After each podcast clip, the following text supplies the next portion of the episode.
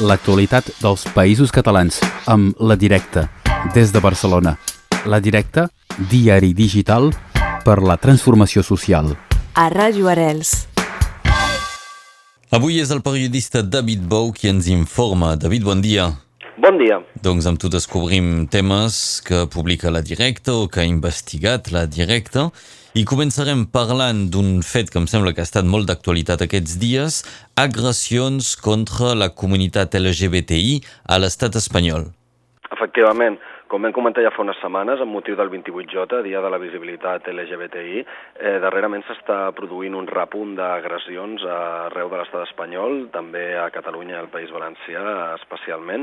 Amb aquest repunt eh, d'agressions, que aquestes, nova, aquestes darreres setmanes n'hem trobat que n'hi ha hagut a Barcelona, també s'estan investigant una possible agressió homòfoba a Terrassa, també una altra a Sant Cugat eh, del Vallès. Això va tenir una nota tràgica dissabte passat, quan un noi de 20 24 anys, anomenat Samuel, va morir eh, apallissat a la ciutat gallega de Corunya, al crit de maricón de mierda. Eh, aquest eh, cas ha fet disparar totes les alarmes d'un fenomen a l'alça que s'havia anat detectant, eh, fruit de la presència cada vegada més normalitzada del discurs de l'extrema dreta eh, amb l'aparició de Vox, del partit d'ultradreta a les diferents institucions de l'estat espanyol, tant, eh, tant a nivell estatal com autonòmic com municipal també. Eh, hem volgut volgut fer una repassada dels casos que ja ha hagut els darrers anys d'assassinats per transfòbia i per homofòbia a l'estat espanyol. En aquest cas, des de l'any 1990 ja hi ha hagut almenys 13 persones assassinades per homofòbia i transfòbia, sis de les quals ho han estat els països eh, catalans. Hem fet aquesta repassada per què? perquè al final eh, el que succeeix en la majoria d'aquests casos, tot i que hi hagi indicis de que eh, la motivació dels crims ha estat doncs això, no? l'odi, l'aversió cap a la identitat sexual o de gènere d'aquestes eh, persones, finalment, quan eh, es desenvolupen les investigacions judicials o quan eh, eh les investigacions policials o quan s'arriba a judici, la majoria d'aquests casos no acaben sent condemnats com a delicte d'odi. Eh, aleshores, eh, per fer un toc d'atenció en aquest aspecte, ja que els casos d'assassinats que, que expliquem en aquest article, titulat Quan la LGBTI-fòbia mata, són casos que oficialment no han quedat registrats com a tal, però que eh, hi ha indicis suficients, hi havia indicis suficients per pensar que eh, la motivació d'aquests crims va ser, com dissabte passat, amb el cas del jove Samuel, eh, l'odi a, a la seva identitat eh, sexual i de gènere. Doncs sí, hem vist moltes mobilitzacions no, de suport per uh, una de les víctimes a Galícia. Efectivament, ja hi va haver-hi mobilitzacions de suport arreu de l'estat espanyol aquesta setmana, desenes de mobilitzacions també arreu dels països catalans. A Barcelona eh, centenars de persones es van concentrar davant del centre LGBTI eh, de l'Ajuntament, que justament la mateixa tarda també va ser atacat amb unes pintades on a les portes es va, es va pintar la, la paraula farsants. Eh, bueno, eh, està havent-hi un, un repunt de casos molt destacable i pensem que és important eh, posar el focus en aquest aspecte perquè sembla que s'està normalitzant cada vegada i banalitzant, a més a més, aquests, aquests assassinats, perquè eh, justament aquesta setmana també hi ha hagut una ofensiva de nou des de l'extrema dreta per intentar desvincular aquest assassinat de qualsevol motivació que sembla evident eh, de qualsevol motivació homòfoba. Mm -hmm. És el primer tema d'actualitat que destacàvem amb David Bou de la Directa. El segon és material que, que publiqueu, és un vídeo Efectivament, un vídeo amb exclusiva enregistrat per la fotoperiodista Mireia Comas, eh, fotoperiodista freelance, però també col·laboradora d'aquest mitjà, mentre estava realitzant la seva feina al barri de Can Anglà de, de Terrassa. Dos agents de la unitat antiavalots del Zarro, dels Mossos d'Esquadra, van impedir fer-li la seva feina eh, en base a la llei de protecció de seguretat ciutadana, la popularment coneguda com a llei Mordassa. La qüestió és que la llei Mordassa no contempla que la policia pugui eliminar cap imatge, tal com aquests agents reclamaven a la fotoperiodista, sinó que preveu sancions davant d'un ús no autoritzat de les imatges o les dades personals o professionals d'autoritats o membres de les forces i cossos de seguretat. El que succeeix a la pràctica és que els agents eh, de la policia, en aquest cas dels Mossos d'Esquadra, però arreu de l'estat espanyol, de la Guàrdia Civil, la Policia Nacional Espanyola i altres policies autonòmiques, eh, utilitzen eh, la, el desconeixement que té la majoria de la població, fins i tot dels professionals d'alguns mitjans de comunicació, sobre aquesta legislació que va entrar en vigor l'any 2015 per obligar eh, a fotoperiodistes i ciutadania en general a esborrar imatges i amenaçar-los amb, una, amb una sanció. En aquest article, Gemma Garcia explica també, eh, consultant veus expertes com la de Laia Serra, advocada penalista, com eh, és il·legal que et facin esborrar els policies les imatges que has pres i també eh, fa un repàs de quina ha sigut la xifra de sancions des de l'aplicació de la llei Mordassa, que es va aprovar el 30 de març de 2015.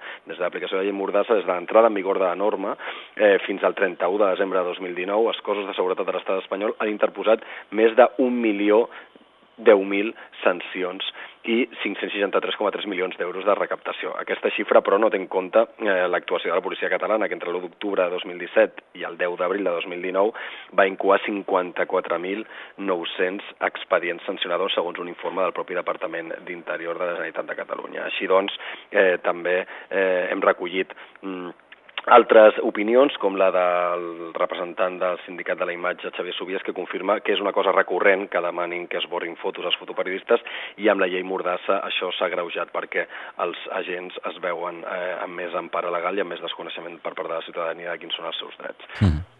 A l'estat francès la situació sembla prou uh, semblant, eh? amb el dret a poder filmar.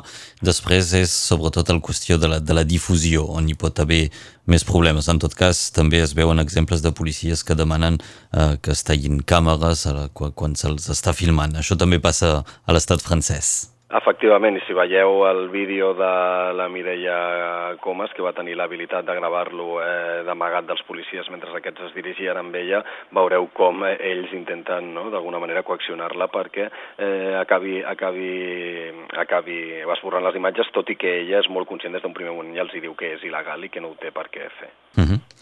Altre tema que ens porta al País Valencià, ens vols parlar d'igualtat lingüística.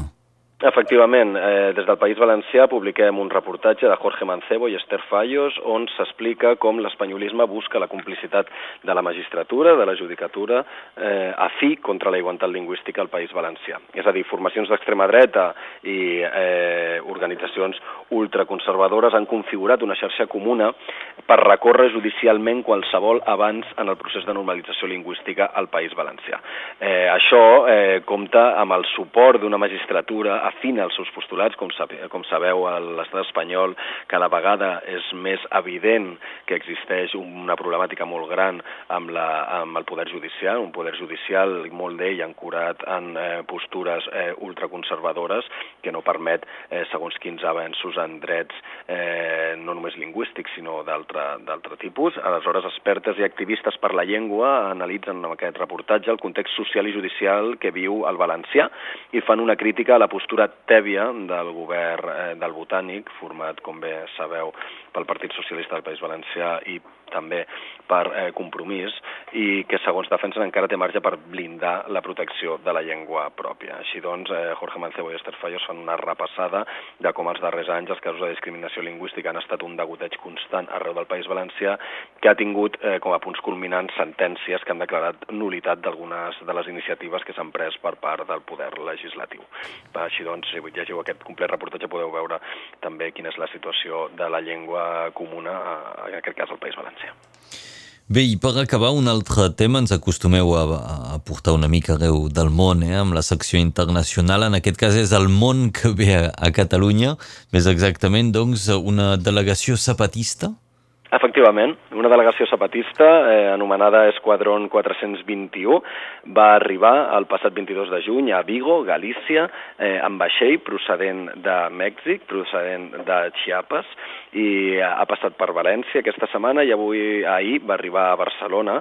Eh, durant el 2021 aquesta, aquest esquadron i unes 160 persones més del, del moviment zapatista arribaran a Europa i com a primera, com a avançada d'una gira mundial que han anomenat, han anomenat Gira Zapatista per la Vida, on la seva idea és trepitjar els cinc continents per nodrir-se de les lluites que hi ha arreu del món i també per poder transmetre la seva pròpia pròpia. D'alguna forma van passar per València i Barcelona, que han sigut llocs que tradicionalment, des de 1994, quan va tenir lloc la primera declaració de la selva de Candona, eh, ja han sigut epicentre del moviment solidari, no? el col·lectiu de solidaritat amb la, amb la rebel·lió zapatista va ser un focus important de la revolta a Catalunya a principis dels anys 90 i també d'alguna forma a l'acte que van fer l'altre dia a Barcelona, el monument a Colom i posteriorment a la plaça Catalunya, van voler agrair totes les visites i tota la, la gent que ha volgut acostar-se a la seva realitat durant tots aquests anys i tornar d'alguna forma tot aquell amor que havien, que havien rebut i venir ara cap aquí a, a tornar-lo. També eh, avui mateix, eh, dijous a les 11 eh, del matí, eh, la d'aquesta delegació pujarà, creuarà eh, l'Albera i farà una parada, una parada tècnica al peatge del Boló, eh, on serà rebuda per diversos col·lectius locals, així que si ho escolteu encara sou a temps de tensar-vos i, de, i de veure els companys i les companyes eh, zapatistes. Doncs ja teniu la informació per aquesta delegació zapatista que també vindrà aquí a Catalunya Nord, en tot cas, i farà una parada. Moltes gràcies, David Bau, per totes aquestes informacions i si la gent en vol saber més, evidentment, doncs dues maneres, sigui per eh, internet, a la pàgina web directe.cat o, evidentment, també al format paper a la llibreria catalana, o si no, el millor és l'abonament. Efectivament, ja sabeu que aquí estem, directe.cat, pel que necessiteu. David Bau, moltes gràcies. Moltes gràcies a vosaltres, una abraçada l'actualitat dels països catalans amb La Directa, des de Barcelona. La Directa, diari digital per la transformació social. A Ràdio Arels.